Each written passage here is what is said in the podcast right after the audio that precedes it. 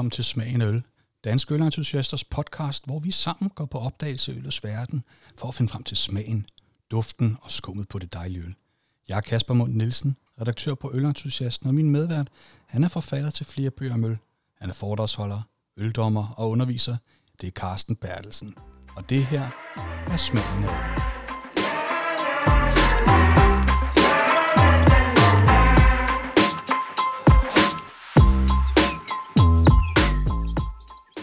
Hej Carsten. Hej. Kasper? I dag der sidder vi ikke på et værtshus, men øh, er ikke langt fra et værtshus. Vi sidder på Humor for Carlsberg, det nye øh, besøgscenter herinde i, på Valby Bakke. Og vi har besøg af, af Bjarke Bundgaard. Kan du fortælle lidt øh, om, om, hvem du er, og, og hvorfor vi egentlig har hævet dig hen i dag? Ja, jo, først og fremmest tak for det. Uh, jo, men jeg, jeg sidder jo som en del af Carlsberg-systemet i snart 20 år, og er ekspert ud i Carlsbergs historie, og også lidt Tuborgs historie. Øh, men øh, ja, så det handler om formidling af den her fantastiske fortælling. Det er nok øh, en stor del af min dagligdag i hvert fald. Det, så er det jo den helt rette, vi har, vi har kan man sige. Vi sidder jo som sagt i, i Home of Carlsberg, og vi kan virkelig mærke historien, der er sådan siv ind gennem væggen. Ikke? Men, men hvad betyder sådan Carlsberg for, for dig personligt? Nu er jeg jo københavner, øh, og min far han drak Carlsberg, øh, og jeg tror også, hvis jeg husker tilbage der i 7. klasse, så tror jeg sørme også, det var Carlsberg, der var i posen. Men når det så er sagt, så er det jo selvfølgelig først og fremmest, fordi Carlsberg er et, et fantastisk spændende bryggeri, både historisk øh, men også kvalitetsmæssigt, det vil sige, det kan være, at vi kan komme lidt tilbage til det.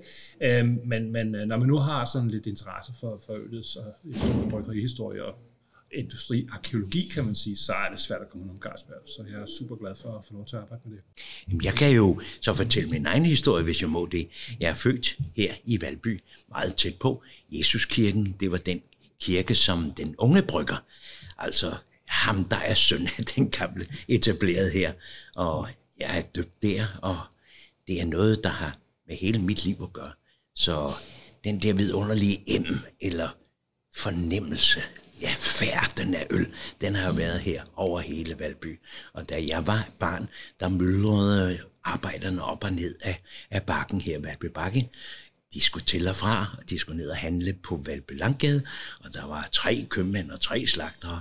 Der var for alle niveauer inden for denne her fantastiske verden.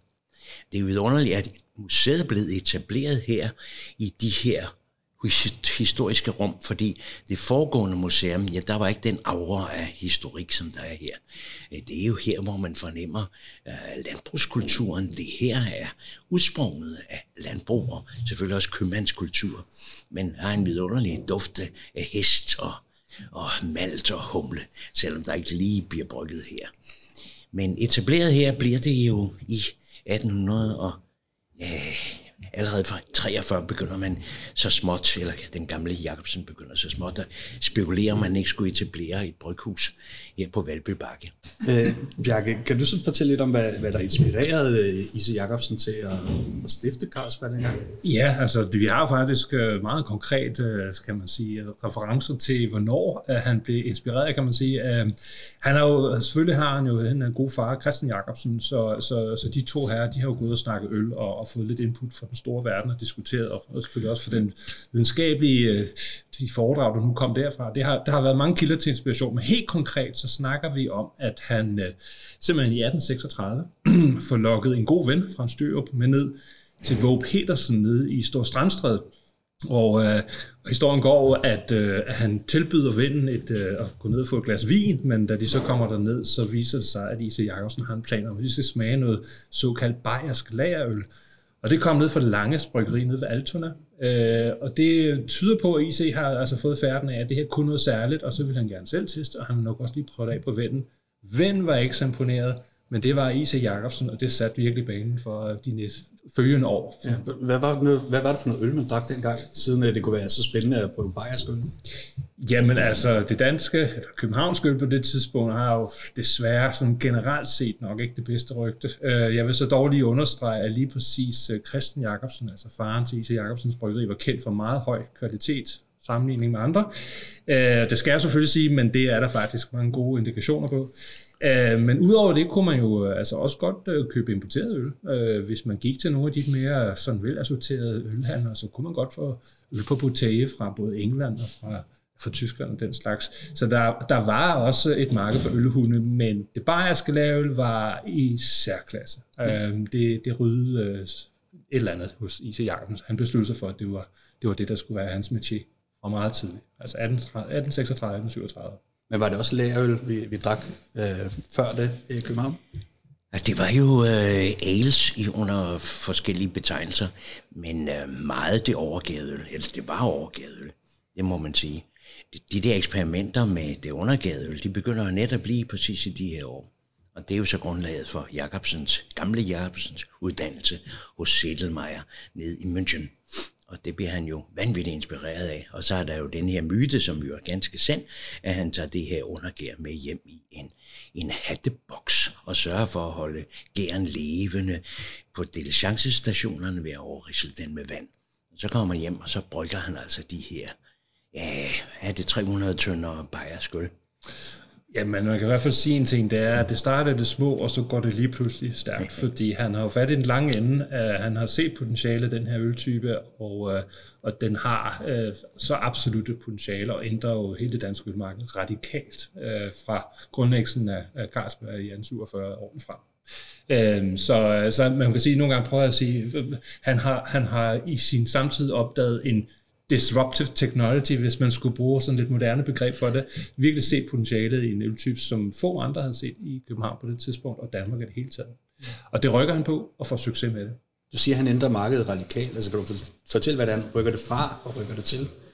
Ja, man kan sige, at øh, der var jo et hav af bryggergårde i, i København, øh, da han ligesom startede med at komme ind i branchen, og, og det skrumper øh, selvfølgelig i takt med, at nogle enkelte bryggerier herunder Carlsberg for succes. Der kommer jo efterhånden også efter Carlsbergs grundlæggelse øh, andre bryggerier, Ro, Svandholm, det hedder sammen, som jo også gør, øh, blander sig i den her handel. Og, og den pulje af Bayersk Lavels bryggerier, de ender sådan set med stille og roligt overtag. Og så sker der jo så det, at i følgende 1850'erne, 60'erne, så begynder det også at rykke til provinsen, hvor der sker det samme.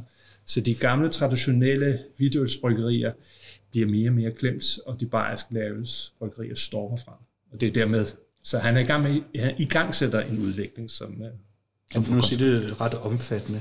Uh, men, men hvilken rolle havde øllet i, i kulturen og i, i samfundet i, i Danmark uh, på det tidspunkt? Var det noget for arbejderne? Var det nede på værtshuset? Eller var det hjem? Eller hvordan, uh, Ja, det var, jo, det var jo en livsfornødenhed, ganske simpelt. Ikke? Også fordi, at brøndvandet var farligt, så det københavnske vand, det var ikke særlig hyggeligt at drikke. Det var en åleruse, som man jo sagde.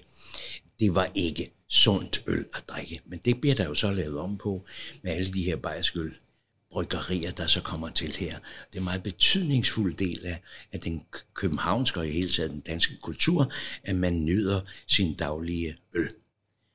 Så kommer pilsnerøl til, og så er det jo den, der sejrer. Men først er det jo så det brune øh, bajerske øl, som man jo forbruger, og som Jacobsen bliver verdensmester i at brygge. Så kommer han ind i konkurrence med sin søn. Det er en helt anden historie, det skal vi nok vende tilbage til. Men uh, det er en livsnødvendighed. Det er simpelthen en livs, øl er en livsnødvendighed øh, dengang. øhm, men, men på den måde får vi jo også noget rent drikkevand, så man ikke behøver at drikke øl. Det er Helt sikkert. Ja. Men kaffe og te var ikke udbredt til i arbejderklassen. Nej, men, men øl var simpelthen til arbejderklassen. Ja, det kan man sige. Øh, og en meget herlig historie der, hvor hvor gamle Jacobsen inden via sin nye, nye bryghus, der overhælder hans skorstenen med vin. Altså, blandt fornemme folk var det at konsumere øl, det var ikke noget, man gjorde. Men det begynder lige så stille med, med den aura, som Jacobsen sætter omkring øllet. Det bliver fint også at drikke øl. Er han en smule lavere rangerende end, end vin.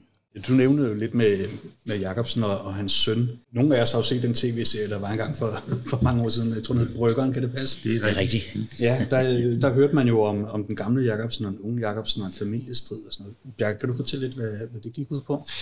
Ja, man kan sige, at øh, I.C. Jacobsen øh, er jo succesfuld brygger, men øh, vokser jo op i, kan man sige, de lidt nederstande, for at sige, han, da han blev født i 1811, der er hans far legebrygger, og, og det er jo sådan set meget godt gået i forhold til, at han jo sådan set var søn af en gammelmands søn af, fra, fra, fra Nordjylland. Så han har egentlig gjort det godt, men de var stadigvæk, kan man sige, en lidt lavere klasse i det københavnske. Og, øh, og så er det jo så helt klart, at øh, I.C. Jacobsen jo via øh, selvfølgelig alt det her arbejde, ting, han sætter i gang, jo stiger i graderne, så han ender jo selvfølgelig med at blive en del af etablissementet. Det, der så måske kan være en, en det er i hvert fald en teori omkring konflikten mellem far og søn, det er selvfølgelig, at Karl Jacobsen, er jo født i 1842, han er jo født ind i succesen, han er født ind i den velstand, han, øh, han, han har ikke skulle kæmpe for retten til alle de her ting. Han skulle ikke gå i lære i bryghuset, da han var 14 år. Så jeg forestiller mig også lidt, at IC har set på alt det, han har knoklet, og alle de ting, han opnåede, og så ser han jo måske på den her søn, der kommer lidt lidt til det. Øhm, han havde jo tårnhøje forventninger til, til Karl. Øhm, en af historierne er jo lidt, at I.C. Jacobsen måske havde, havde drømt om at kunne blive videnskabsmand, øhm, og en af de her nye folk i tidens ånd, øhm, men havde ikke tid til det, fordi han jo også er involveret i, i driften og så projekterede han måske den her drøm lidt over på Karl, så, så kunne Karl måske blive den her videnskabsmand, og så komme ind i bryggerfaget og løfte det til nye højder. Og der var han måske lidt skuffet over Karl, øh, tror jeg vil sige, øh, at øh, det, han levede ikke helt op til forventningerne, og han var måske også blevet lidt malet, den gode Karl, vil jeg sige. Og så var der nogle, nogle ting, måske vi i dag vil synes var, var lidt stødende, men, men for eksempel det faktum, at, at Karl jo desværre stammede meget, har nok også gjort, at, at IC engang blev lidt irriteret på ham. Og det, det vil vi jo i dag synes var meget unfair, men det var en anden tid. Det var en anden tid, ja. Nu, jeg har jo været en tur rundt i, i Home of Carlsberg her og, og lyttet lidt til og, og set på de historier om, omkring IC og, og Karl. Der, der nævner de blandt andet, at Karl øh, stifter sit eget bryggeri, der hedder Ny Carlsberg. Ja. Kan du fortælle lidt om uh, gammel Carlsberg og Ny Carlsberg? Ja, altså man, man fik jo etableret et anlægsbryghus. Efter lange rejser, så vender den unge Karl hjem, og så er det, han kan lege sig ind hos sin far som brygger. Og man kan jo nok sige, at, at den jalousi, der så opstår, øh, den er jo ret alvorlig for deres senere ja, konflikter. Altså, I.C. Gamle Jacobsen havde det princip, og det havde han så lært i Bayern, at man kun skulle brygge op til, at det 60.000 tønder øh, øl, for ellers havde man ikke øh, fingerspidsgefyld med, hvordan øllet ville udvikle sig. Men det vil den unge øh, Karl jo øh, blæse på fuldstændig. Han siger, kan vi sælge flere, så gør vi det. Men der er den gamle kaptajn, som man jo kaldte sig, han har altså haft nogle principper om, at man ikke måtte ekspandere ud over en vis ramme. Og det var noget, der, der satte nogle konflikter i de to. Og så vil jeg lige bare tilføje øh, til Bjarkes historie her, at ja, den ene bliver jo student, altså den unge Karl bliver student, men øh, den gamle bliver jo aldrig uddannet fuldstændig, som han gerne ville være. Men han havde jo en kreds af fremragende venner, og de øh, fortalte hinanden, hvordan tingene var, og den gamle Jacobsen gik til mange forelæsninger, blandt andet med H.C. Ørsted, øh, hvor han fik fortalt om naturens øh, fantastiske vidunder. Så det er jo en meget, meget lært mand, men det er en self-made man, alle måder. Altså efter god amerikansk model, kan man roligt sige. Så det er en, en mand, der ekspanderer sig selv. Og det er fuldstændig rigtigt, som, som Bjarke siger, at uh, den unge, unge kommer måske for let til det.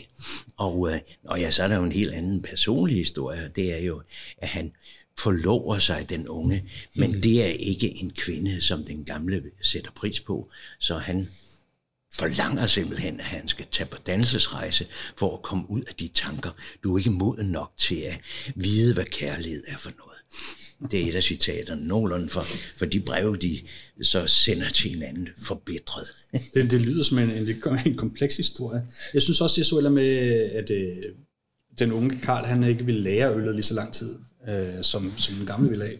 Ja, men man kan sige, han er jo ude på den her øh, dannelsesrejse, som, øh, som Carsten kalder det. Altså i virkeligheden, så bliver stolen også sat lidt for døren, fordi øh, da Karl nærmer sig de her 24 år, som er et lidt magisk tidspunkt, øh, eller, eller magisk alder, fordi det var det år, samme alder, at I.C. Jacobsen overtog driften af familiebryggeriet. Og der har Karl altså ikke taget initiativ til at rigtig komme ind i det faglige nu, og så er det så, at han får en kraftig opfordring til, at nu skal du til at lige at komme ud på den her tur, så du er klar til at overtage en gang. Og det er jo 1866, og de første to år er han på kontinentet, og de øh, følgende to år er han så primært øh, britiske øer i, i Edinburgh og senere Burst. Og det, der så kom, der kom ud af det, er jo, at han så heldigvis får den her faglighed, men den er så drejet lidt mere over i det engelske i virkeligheden. Og det er der to grunde til. For det første, fordi han oprigtigt blomstrer op, både som menneske og også fagligt i hans tid i Storbritannien, men også fordi, at han, øh, man kan sige basalt set, får han heller ikke helt lov til at rykke på det bayerske lavel, for det tager far sig af øh, på det gamle øh, Carlsberg. Så i virkeligheden er der en arbejdsdeling i de første år, og, og, og Karls Jacobsens mandat er at brygge øl af engelsk type til, øh, til eksport. Øh, det var måske nok lidt det, der var drømmen. Det viser sig så ret hurtigt, at den her eksportdrøm nok ikke helt får luft, øh, under vingerne. Og så er det så Karl, han slår sig på at brygge bayersk lavel. Og i starten er det faktisk for at fylde nogle af de huller ud, som, øh, som I.C. Jacobsen ikke... I.C. Jacobsen har jo sat en begrænsning på, hvor meget han vil brygge, som Carsten også nævner. Øh, og, og det betyder lige pludselig, så i takt med, at markedet bliver mere og mere udviklet og efterspørger mere og mere, så har gammel Carlsberg simpelthen svært ved at følge med. Så er det så Karl, han siger, det der kan jeg da godt dække. Må jeg stille og roligt overtage det. Og først er det jo faktisk øh, i provinsen omkring København, øh, og så ender det jo, eller forstået omkring København, så ender det faktisk med at blive hele landet, han stort set eksporterer til, fordi gamle Carlsberg og I.C. Jacobsen kun har fokus på en lille gruppe kunder i København, for at se det ud. Det virker helt skørt, men det, men det er jo faktisk, fordi han var så principiel, øh, I.C. Jacobsen. Så det er derfor, at Karl går i gang. Og så er det selvfølgelig måske den succes, han har med det, begynder at skabe lidt friktion, tror jeg. Så de, de bliver ravne uvenner, så, men, men de ender jo med at blive gode venner igen på et tidspunkt. Der var perioder, hvor de var meget op på toppes, men jeg vil mere kalde det sådan et, et, et forhold, hvor, hvor, hvor Karl en gang imellem lige får en lidt tør kommentar, eller lige en opfordring til at, at blive lidt bedre, og det bliver man jo også lidt træt af. Altså det, der, man kan jo ikke rumme det hele tiden at blive rettesat på den måde, så jeg tror, det er der, at da Karl så får ligesom styrker nok til det, så begynder han at tage konflikterne måske. Mm. Man må også sige, at altså gamle Jacobsen får kun én eneste søn, mens øh, børnene møller frem i det ægteskab, som øh, unge Jacobsen etablerer med Utilia, som man for øvrigt finder i, i Skotland. Og det er et godkendt ægteskab af gammel far, det kunne man sige. Øh, så er der også en meget vigtig ting, øh, som man ikke tænker så meget på i disse tider. Men gamle Jacobsen ville ikke sætte sit øl på flaske. Det var noget, der blev gjort ud i byen. Den indtægt, den ville unge Jacobsen meget gerne tage. Så det er derfor, der kommer nogle tapperier her på Carlsberg. Men, men det blev gjort ude i byen. Man, man sætter øl ud i tønder. Men, men det der med, der er noget, der hedder gammel Carlsberg og ny Carlsberg, kan jeg så forklare, hvad, hvad det går ud på? Jamen, det er jo i princippet nogle navne, der kommer lidt senere, fordi som Carsten også sagde, så er det første øh, ny Carlsberg, bliver også kaldt for Nex-bryggeriet. Øhm, og, og man kan sige, det er jo først i starten af 80'erne, at de rent faktisk bliver registreret øh, som henholdsvis gamle Carlsberg og ny Carlsberg. Det er også der, vi får symbolerne, hvor øh, I.C. Jacobsen får valgt den her 12-fligede stjerne, eller 12-takkede stjerne, og hvor øh, Karl Jacobsen vælger Svarstegade. Øhm, og det er, jo, det er jo netop der, hvor de sådan for alvor formelt set skiller sig ud fra hinanden, og hvor de jo er jo åbenlyse konkurrenter. Og det skal vi jo altså ikke underkende. De øh, konkurrerede jo virkelig øh, i de følgende år, faktisk helt frem til 1906. Øhm, så, så det, er, det, det, det, er, det var noget drama øh, i en periode i hvert fald. Øh, både sådan forretningsmæssigt, og så selvfølgelig også lidt på det personlige. Jeg kan godt forstå, at vi sådan lige forgriber øh, historiens gang lidt, fordi inden da, der er der øh, bliver Carlsberg-laboratoriet etableret. Ja. Øh, kan du fortælle lidt om det? Ja, og der, der kan man sige, det er jo måske også en del af fortællingen, fordi Ise Jacobsen, øh, kvæg hans interesse i videnskaben og kvæg hans netværk, så får han jo ret hurtigt etableret et kvalitetslaboratorium. Jeg tror jeg faktisk, vi er helt tilbage i 1871. Og, øh, og så er det jo så, at han jo netop har den her øh, idé om, at han vil virkelig støtte forskningen, og han vil prøve at sikre, at, at videnskaben kan hjælpe med at løfte kvalitet af øl. Og han beslutter sig for at etablere øh, Carlsbergs Laboratorium, og han beslutter sig så også for at etablere Carlsberg Fondet øh, til at finansiere den forskning. Og det betyder jo mellem linjerne sådan set, at Karl Jacobsen ikke skal forvente at overtage familiebryggeriet. Og det har der helt sikkert også været en øh, kilde til strid, må man sige. Mm. Men, men hvad det laboratorium, det var jo til for at sikre kvaliteten, siger du. Men det var, blev også stiftet, fordi der var meget sur øl på det tidspunkt, øh, som jeg forstår det i hvert fald. Er det en del af historien, Carsten? Ja, absolut. Og der kommer jo en fremragende bestyrer der på laboratoriet, og han hedder Emil Christian Hansen. Meget begavet mand fra Ribe, han født og vil frygtelig gerne udvikle det der, men der kommer han så øh, op og øh, toppes med, med gamle Jacobsen, fordi Jacobsen gik efter de såkaldte pastørske øh, øh, ordninger, eller hvad hedder det, normer. Altså alt, hvad Pasteur havde sagt, var rigtigt. Og pasteuriseringen af, altså varmebehandlingen af øl, det kommer så til. Men det, der er det spændende ved det her, det er, at Emil Christian Hansen siger, rengørelsen af gæringsrummet, det er ikke det vigtigste. Det er selve gæren, der kan blive angrebet af vildgær, og så er det, at man får surt øl. Men øh, nej, siger gamle Jacobsen, det er renliggørelsen af selve gæringsrummet, der er det væsentlige. Og der sætter så Emil Christian Hansen sig op mod den gamle kaptajn. Og han er stedig, og han giver sig ikke. Men så havde jo vi for isoleret den her rene og fine gær, og det er 1883, hvor man så for første gang på Carlsberg tager denne nye undergær i brug. Og det er jo noget, der har revolutioneret ølverdenen, kan man sige, endnu mere end en radikaliseret ølbranchen i København og Danmark. Det her det betyder noget for hele verden. Hvilken betydning har det haft? Jamen altså, vi, vi plejer jo faktisk at kalde det sådan lidt det moderne øls gennembrud med, med reference til kunsten også selvfølgelig, men, men det er meget enkelt, at der er en tid før og efter. Og det øjeblik, at du tager den her rendyrkede gær i brug, jamen, så har du en helt anden træfsikkerhed i forhold til, til dit bryg, og, og derfor åbner det jo pludselig en dør for, at du kan begynde at opskalere og brygge mere af det, du kan begynde at koncentrere dig om at få sat et mærke på. Et brand er jo basalt set en kvalitetsgaranti. Og det betyder lige pludselig, at man er meget sikker, man behøver ikke øh, noget fordækt med at sende det øh, ud til forskellige ting. Altså ikke, at der var noget fordækt her, men, men det var meget almindeligt dengang, at øl, den samme øl, blev solgt i mange forskellige mærker, fordi man ikke sådan lige ville helt stå på mål for det. Og tiden efter det var man jo fuldstændig sikker på, at det her er i orden. Alt det, der kommer ud, det er, er tip-top, og derfor så, øh, så er det jo helt klart virkelig den fødsel af, af, hvad man kunne kalde industrialisering af ølbranchen. Hvorfor holdt øh, Carlsberg ikke på den øh, opdagelse, eller hvad man kan kalde det? Det er Ise Jacobsen. Altså, han var et fantastisk menneske, meget principielt, og han mente oprigtigt, at, at sådan en, en, den type viden skulle deles.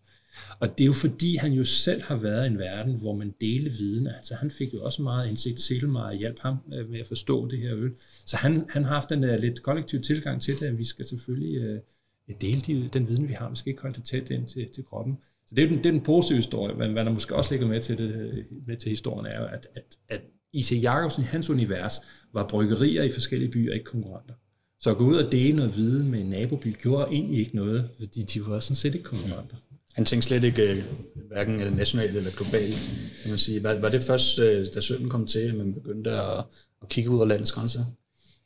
Der var lidt eksport allerede i slutningen af 1860'erne, øh, men det var lidt modvilligt, vil jeg sige, Friese Jacobsen. Han var meget bekymret for, om kvaliteten nu kunne holde til, til det, han øh, skibbede ud der. Øh, men det begynder stille og roligt at rykke der, også fordi der er jo nogen, der pludselig opdager, at det er noget rigtig godt øl, og så begynder det selvfølgelig at rulle lidt fra.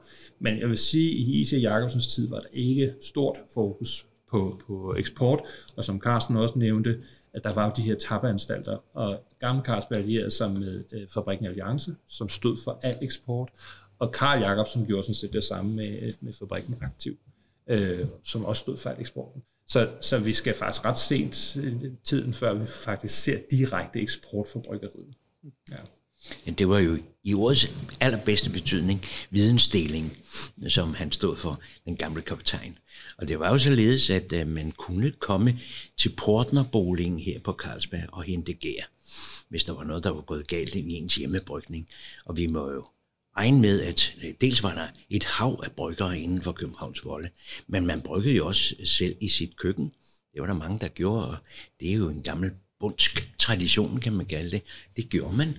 Og han var meget, meget liberalt med, med alt, hvad han havde fundet ud af. Og det er jo liberalisme på den skønneste måde. Det er jo ikke der, hvor man tager hele fortjenesten selv. Og det er, det er jo en af de smukke principper her, som Carlsberg har, har haft til alle tider. For et par år siden, der var jeg langt ude på landet i Tjekkiet, og sad og drak noget vidunderligt lagerøl der. Og så tillader jeg mig at sige, at jeg kommer altså fra Danmark. Ah, siger han så. Så går han ind og viser mig gærrummet, og det er Carlsberg Jensis, jeg bruger, siger han. Og det er jeg meget glad for at møde en dansker, som har rødder i den tradition. Altså der, der er det Danmark og, og Carlsberg virkelig sat sin, uh, sin, sin store aftryk på, på ølverdenen. Men, men det, at man begynder at rendyrke gern, betyder det, at man brygger noget andet øl, eller forfiner man det øl, man har? Men, men ja, man kan sige, at øh, selvfølgelig er der nogle paralleller. Som udgangspunkt er det jo meget de samme malte, man bruger. men men det, øh, når vi snakker om det undergade øl, øh, så det første generation er jo selvfølgelig bare lagerøl, det mørke lagerøl. Og så kommer Pilsneren jo øh, langt senere til Danmark. Den får først kommersiel succes omkring 1880 med, med Tuborg til deltid. Øh, men man kan sige, at det, der er fidusen ved at bruge en undergær, det er jo, at mange af de aromaer, som jo selvfølgelig kendt for de, for de overgade øl, de træder i baggrunden, og det betyder også lige pludselig, at alt det, der kommer fra malten, og det, der så kommer fra humlen, det er ligesom det, der får øh, hovedrollen. Øh, og det betyder også, at du kan jo ikke, du kan ikke rigtig skjule nogle af de nuancer, og man skal også kalde lidt fejl, der har været i det gamle øl. Lige pludselig står der bare rent og klart, og så er det jo meget nemmere at skille for for bukken. Så det er også derfor, det bliver så vigtigt, at man virkelig har, kan detaljstyre den her proces, fordi ja, det er, som nogen vil kalde det, nøgent øl. Det er ikke noget, der, der kan skjule noget som helst. Ja, men der er også andre opdagelser i, i Carlsberg-laboratoriet. pH-skalaen bliver også beskrevet her, øh, så vidt jeg ved første gang. Øh, hvad, hvad betyder det for ølbrygningen, at man kan begynde at måle surhedsgraden i øllet? Jamen det har jo praktisk øh, mange forskellige øh, steder, det kan sådan finde til anvendelse, men, men jeg vil så sige, at det er jo selvfølgelig især, øh, tror jeg, mæskning, og det er jo i alle håndbrygger også, at det er jo helt klart noget, der også er afhængig af surhedsgraden og den slags. Men jeg vil prøve at sætte det lidt i helikopteren. Altså, der er jo en lang øh, række meget, meget vigtige gennembrud over på laboratoriet. Øh, Emil Christian Hansens rendykning i Gær, men der er jo også Kældals øh, måling af kvælstof, øh, som også er helt essentielt for at måle kvaliteten af malten. Og, og så selvfølgelig Sørensens øh, pH-skala. Og i virkeligheden en masse andre ting. Der er jo også rigtig meget af den viden, vi har omkring enzymer, som jo sådan set også har sin oprindelse i, i Carlsberg. Og det handler jo alt sammen om at få en, en større forståelse af råvarerne og selvfølgelig brygprocessen, med det klare formål at forbedre kvaliteten og gøre den mere stabil, så man er sikker på, at man har den der træfsikkerhed. Og jeg lige tilføje, at man ville jo så gerne, eller det ville gamle Jacobsen, han ville så gerne have, at sønnen skulle fremstille britisk ale, altså overgæret ale. Men det slår aldrig igennem i Danmark. Men der var en type, der i den grad slog igennem, og det er porter og stout. Og det begynder man også at forske i på laboratoriet. Og så er der en herlig videnskabsmand, Nils Clausen, som finder ud af, hvad er det, der forsurer øllet i, uh, i de berømte britiske øltønder, når man skal have sådan noget rigtig gammeldags mm. lagret porter eller stout. Og han finder så ud af det her The British Fungus, som man kalder det, altså den britiske svamp. Og den får han isoleret af det i 1904, tror jeg det er.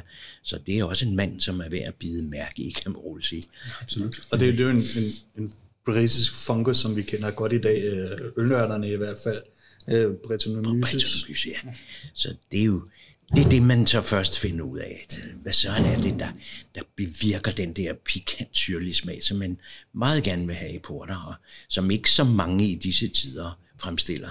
Men det er en dejlig forsyring af øllet. Og øh, det, der er så spændende ved, ved denne opdagelse, det er jo, at den bliver jo i den grad blandt moderne bryggere noget, som man synes er helt fantastisk, og som er meget trendy at fremstille syrligt øl. Jeg vil gerne rykke lidt, lidt frem i tiden med, nu begynder pilsneren at komme, og Carlsberg vokser så større på grund af, af blandt andet de her opfindelser, som vi snakker om. Øh, der kommer en sammenslutning af nye og gamle Carlsberg, og i nyere tid ser vi også de forenede bryggerier og Tuborg, øh, der samler sig i, i et Carlsberg. Hvordan kan et bryggeri som det her rumme så mange små øh, øh, bryggerier, som de har samlet under sig? Altså som, som ser på Carlsberg som en, en moderne virksomhed i dag, så er det jo selvfølgelig så sket etappevist. Øhm, Altså det helt, det helt store øh, er jo selvfølgelig 1970, hvor Carlsberg Tuborg fusionerer. Øh, men altså, Carlsberg og Tuborg, eller rettere sagt, Gamle Carlsberg, Ny Carlsberg og Tuborg har samarbejdet i mange år.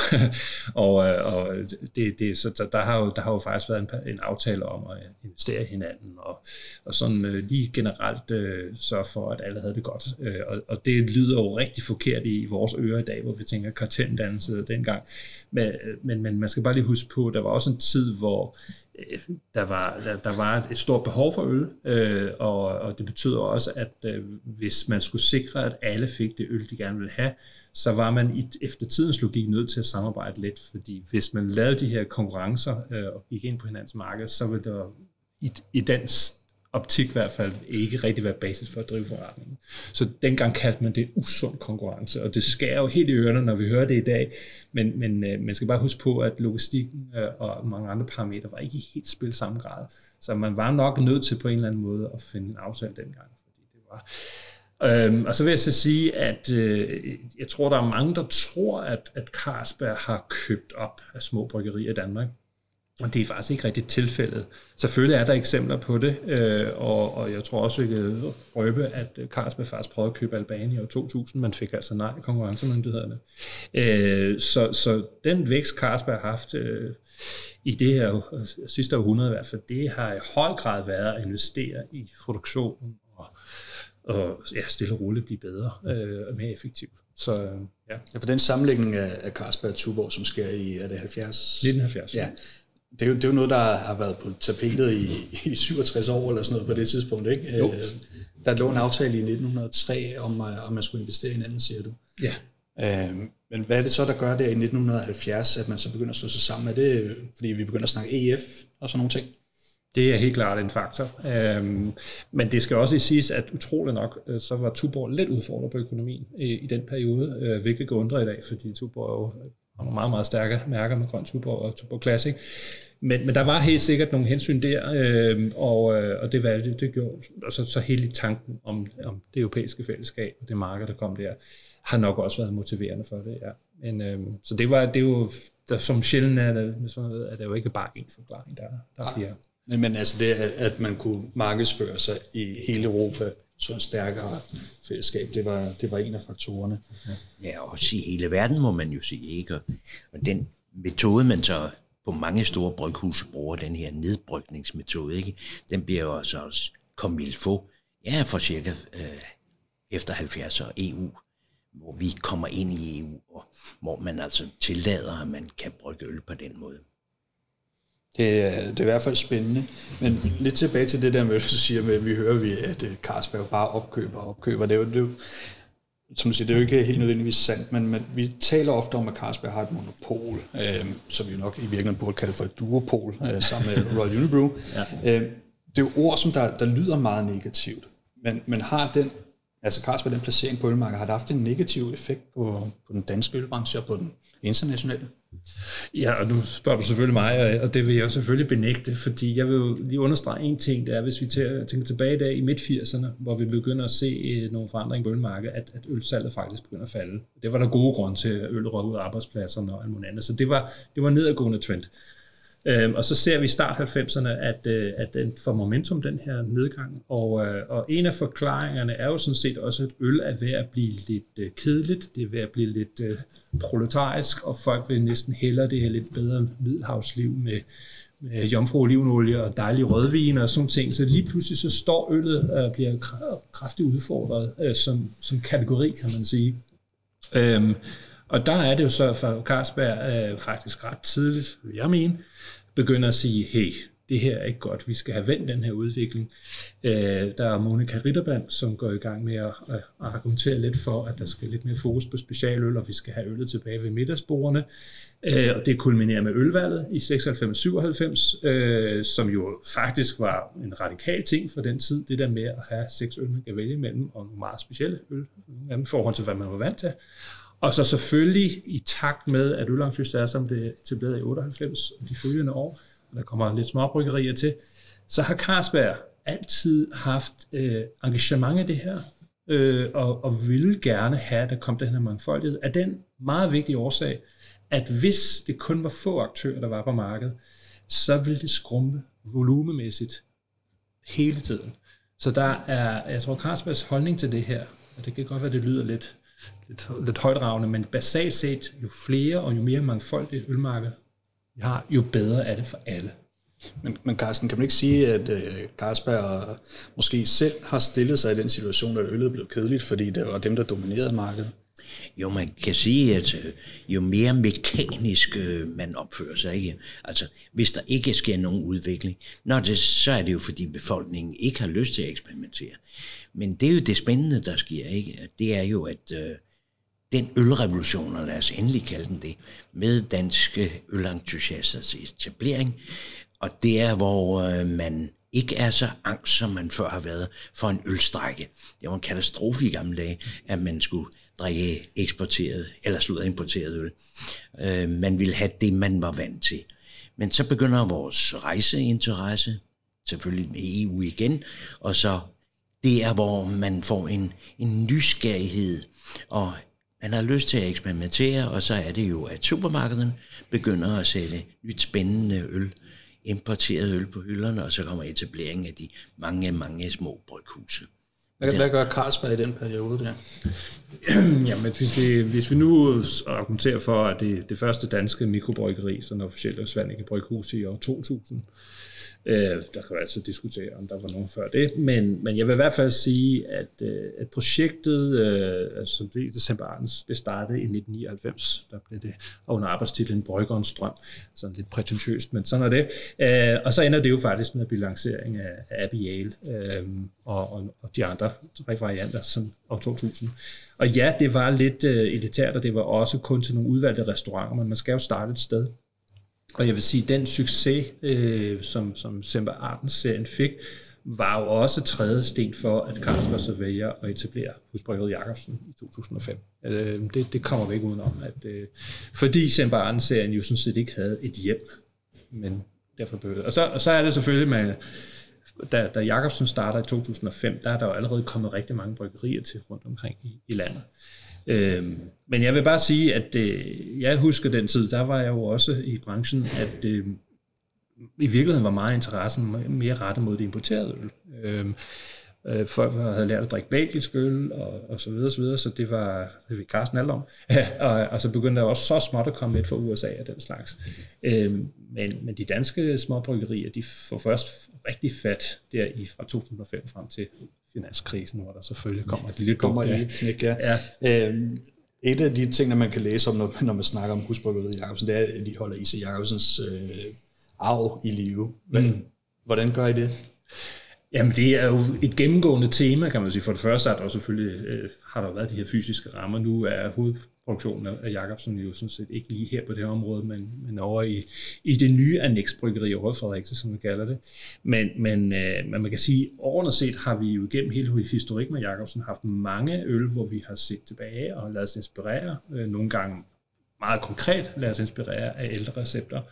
Øh, så det er jo i hvert fald noget, der er, der er ligesom et mandat til at gå tilbage i historien og, og kigge lidt på det.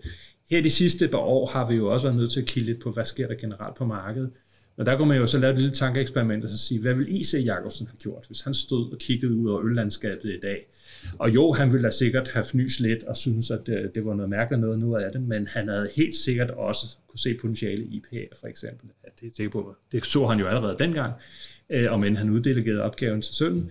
Men, men, øh, men jeg vil sige, han ville da helt sikkert være gået til det her, øh, efter de samme principper som ham. Og det er jo det, vi prøver at efterleve Jacobsen da, da den der berømte ABL kommer på markedet, der er det for første gang i mere end 70 år, at man på Carlsberg brygger overgæret øl. Altså i den belgiske stil, som nu så slår igennem. Og det er jo fantastisk interessant at tænke sig. Så det, der så sker med Sembarten som med Jacobsen, det er jo helt epokegørende, at man den gigantiske oceandamper, som jo Carlsberg er, kan vende i havnen. Ikke? Det plejer at være små speedbåde, der kan suse rundt i en havn. Men nu skal man ligesom vende.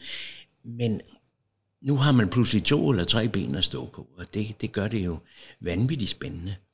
Øh, så det at følge med i, hvad Jacobsen sender på markedet, det er jo rigtig spændende, for det kan også være trendsættende, ikke? Og der må man sige, der, der er Royal Unibrew og Carlsberg været ude, ja, og det er de stadigvæk ude i en konkurrence. Hvad er det med frugttilsætninger? Mm-hmm. Hvad er det, øh, vejen frem vil vise? Og det er jeg godt nok spændt på. Men altid har jeg lyst til at hive fra hylderne en Jacobsen ned. Og det er jo også i den beundring, som man kan have for den gamle brygmester det var jo overhovedet ikke skik, at man puttede brygmesterens navn på sit label eller på sin etikette. Det var en anonym øh, skaber. Der var ikke noget, der hed Sedelmeyers Bryggeri, det hed Spartens Bryggeriet. Øh, Albani hed det i, i Odense osv. Bryggerens navn, men nu bliver bryggeren så også en slags superstar, som man beundrer. Bare tænk på Mikkel eller Kismeier, ikke? Det hed, de hedder sådan på deres label. Øh, men i beundring for Jacobsen, så synes jeg, det er så flot, at man sætter hans navn på de, de brands, som man så sætter på markedet. Ja, man tager navnet og sætter det på, på det produkt, som der er jeres måde at eksperimentere og, og vise verden, hvad fremtiden måske mm. er. Er det sådan, øh, man skal opfatte Jacobsen som, som et outlet for jeres kreativitet måske? Ja, det kunne man godt tolke som. Jeg vil sige, det er jo, øh, jeg tror ikke, vi kommer ud om, at der er også den der stolthed, at det er det der med at se, se, hvor vi kommer fra, hvem hvor vores grundlægger, og, og man skal ikke underkende, at han er jo også en figur, der er kendt ud omkring i verden. Øhm, og det, det, så det, det er jo godt afsæt. Dengang øh, uh, husbrødet Jacobsen startede, og det var Jens Eichen, der var ved roret, der vidste man jo ikke, hvad det ville ende med. Det kunne sagtens have endt med eksport. Der var faktisk også lidt små eksport. Øhm, men, men på grund af de sådan relativt begrænsede rammer, der er her i det her område i hvert fald, så, så endte det ikke med at blive så stor en del af... Men, men det havde man da helt sikkert tænkt over dengang, at det kunne være et stærkt brand at signalere ud omkring det her med autenticiteten, det originale, håndværket, videnskaben, det hele samlet i et specialølsbrand. Nu, er, nu siger du noget produktionen er rykket til, til Fredericia. Øh, at den der historie med, at der står, at øh, der skal brygges på Valby Bakke, er der, er der hold i den historie der? Nej, det er der ikke. Øh, der er mange, der refererer til, til fondatsen og den slags, men, men øh, hvis, hvis det endelig havde stået der, vil jeg så sige, så havde vi nok også fint kunne dække det af med blandt andet de tre-fire bryggerier, der er på laboratoriet, og, og hvis det bare havde handlet om sådan en formalitet, så havde man nok også kunne lave et lidt mindre setting med, med, med husbryggeriet Jacobsen. Nej, jeg synes, det er vigtigt at huske på, at det selvfølgelig giver mening at have et bryggeri i de her rammer, og understøtte den udvikling, det marked, der var på vej øh, på det tidspunkt. Øh, og, øh, og selvfølgelig, ja, altså, kunne invitere folk ind, og ølentusiaster ind, have et, et, et hjem øh, allerede dengang. Nu har vi jo så endnu mere et hjem. Øh, men øh, så nej, jeg, jeg, jeg tror ikke, det, det, har, det har ikke handlet om det. Øh, det, der så har været udfordringen, og grund til, at vi er nødt til at flytte, det har jo selvfølgelig været, at de rammerne er, som de er, så har man simpelthen ikke kunne følge med øh, den efterspørgsel, der er. Øh, men endnu mere måske vigtigt i den her sammenhæng, det er, at øh, hele Karlsbybyen jo ligger meget, meget tæt på. Så det var ikke muligt at ekspandere her på området. Vi skal også huske på, at vi er fredet byggeri her, så det er forholdsvis dyrt at begynde at udvide her omkring, og, og man skal også have tilladelse til det. Så vi stod faktisk i en situation, så hvis vi skal følge med den efterspørgsel, der er, så er vi nødt til at gøre et eller andet. Øh, og, og der var jo mange scenarier. Det kunne også have været et scenarie at sige, at vi lukker og slukker fuldstændig. Det har vi så ikke gjort. Nu har vi jo stadig bryggeriet derop øh, og, øh, og kan lave sådan lidt mindre små serier. Øh, og så skal man sige, det man så køber i detailhandlen og, og ude på barne, det, det er altså bryggeriet en eksbryg. Og så vil jeg også lige understrege, at en eksbryggeriet, det er altså et separat bryghus ved siden af det rigtig store bryggeri deroppe. Og hvis man ikke tror på det, så skal man bare lige tænke igennem her, fordi når der bliver brygget pilsnertyper, så er det altså i temmelig store volumer, og det skal helst øh, være en meget, meget korrekt måde at gøre det på. Der skal ikke for meget øh, kompleksitet ind for, at det lykkes. Og derfor vil man aldrig nogensinde blande de her respektive recepter ind i det store bryggeri. Så det har sit eget. Det har sit helt eget. Ja. Øhm, hvis man kan høre lidt støj på linjen her, så er det fordi, at øh, udstillingen er ved at åbne. Øh, og, og er sikker på, at der står mange i kø dernede for at komme på. Så, men lige inden vi afrunder, Carsten, vi snakkede om, øh, om hvordan ølets status var, da, da Carlsberg de ligesom startede. Det var arbejderne, så det var hvidøl og sådan noget, men hvordan har, har Carlsberg så været med til at forme det marked, som vi har i dag? Ja, øh, man, kan, man kan sige mange gode ting omkring det, men det er jo først og fremmest det, at det har jo sat fokus på konkurrencen, ikke? Hvad er det, vi er op imod? Vi er op imod en masse produktion, men vi er også ja, vi har jo også fået gjort øl til noget meget eksklusivt. Og der vil jeg sige, der har Jacobsen brandet og Sim Barsens brandet været med til at, at skabe den eksklusivitet.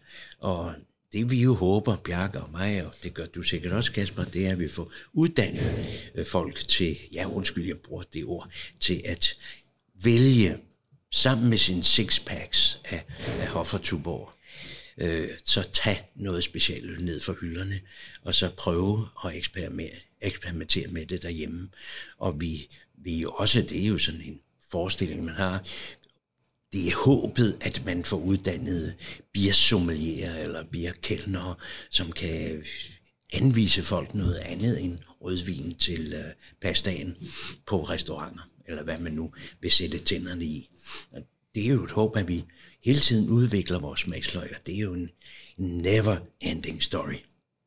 Det er Carlsberg måske også. Ja, det må man sige. Forhåbentlig. ja. Men det skal vi så sige uh, tak for i dag, og tak fordi I ville deltage, og tak til Bjarke Bundgaard. Tak til Carlsberg, Home of Carlsberg, fordi I måtte være her. Tak. Tak.